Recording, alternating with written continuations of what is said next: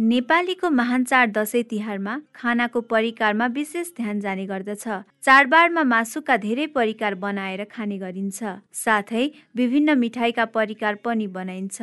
चाडबाडमा यसरी बनाइएका परिकार हामीले असन्तुलित भएर खाने गर्दछौ। पहिले पहिले अहिलेको जस्तो खानाका परिकार सजिलै उपलब्ध हुन सक्दैन थिए। तर अहिले भौतिक पूर्वाधार विकाससँगै गाउँ गाउँमा धेरै जसो खाद्य वस्तु सहज रूपमा पाइन्छन्। दसैँमा धेरै जसो चिल्लोको मात्रा बढी भएका परिकारहरू बन्ने गर्छन्। जिब्रोको स्वादका लागि बनाइने परिकारले स्वास्थ्यमा पार्ने असर बारे भने हामीले त्यति ख्याल गरेका हुँदैनौ। जसले गर्दा कतिपयमा फुड पोइजन एसिडिटी बढ्ने जस्ता विभिन्न समस्या देखिने गर्दछ। हामीले तयार गर्ने खानाका परिकार स्वादिलो त हुन्छ नै तर त्यसरी बनाइएका परिकार स्वस्थवर्धक पोसिलो र सफा हुनु पर्नेमा जोड दिनुहुन्छ। जनस्वास्थ्यविद रविन्द्र पाण्डे। हाम्रो खाना चाहिँ पोसिलो हुनु पर्यो सफा हुनु पर्यो सफा भयो भने चाहिँ कम्तीमा पनि रोग लाग्दैन। दोस्रो कुरा भनेको ठिक्क मात्रा हुनु पर्यो जस्तै हामीले खाँदाखेरि हामीले जुन एउटा चाहिँ सेट बनाउनु पर्छ त्यो सेटहरू के भने हामीले जति अन्डा खान्छौँ हामीले त्यति नै सागसब्जी खाउँ त्यति नै सलादहरू खाउँ त्यति नै हामीले चाहिँ जस्तो चाहिँ माछा मासु त्यति नै राखौँ। त्यहाँभन्दा बढी हामीले चाहिँ पानी झैलिलो कुराहरू दही मही यस्तो खाउँ।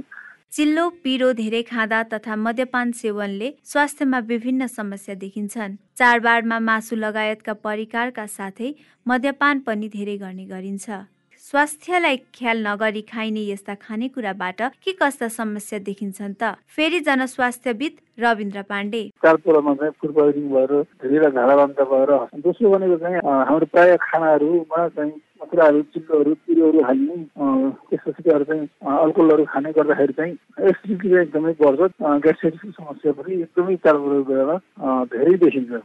तेस्रो भनेको चाडपर्व बेलामा हामीले सुनेका छौँ कतिपयको चाहिँ हार्ट एट्याक भएको हामीले सुनेका छौँ त्यसले चाहिँ कतिपयले चाहिँ रक्सी चाहिँ धेरै खाने मान्छेहरूले पछि हाम्रो चाहिँ यो कम भएर त्यो मासु चोप्चा चाहिँ उसमा के अरे फुक्समा अड्किएर मृत्यु भएको त्यस्तो पनि हामीले चाहिँ सुन्ने गरेका छौँ।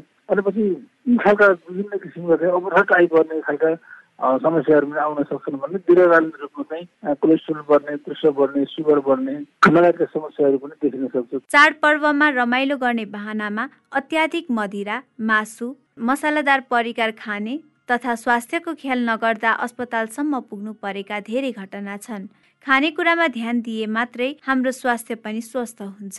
चाडपर्वको एकछिनको रमाइलोमा आफूलाई हानि पुग्ने तथा असन्तुलित ढङ्गले खाना खानुभन्दा मर्यादित भएर खाएको खानाले नै फाइदा गर्छ।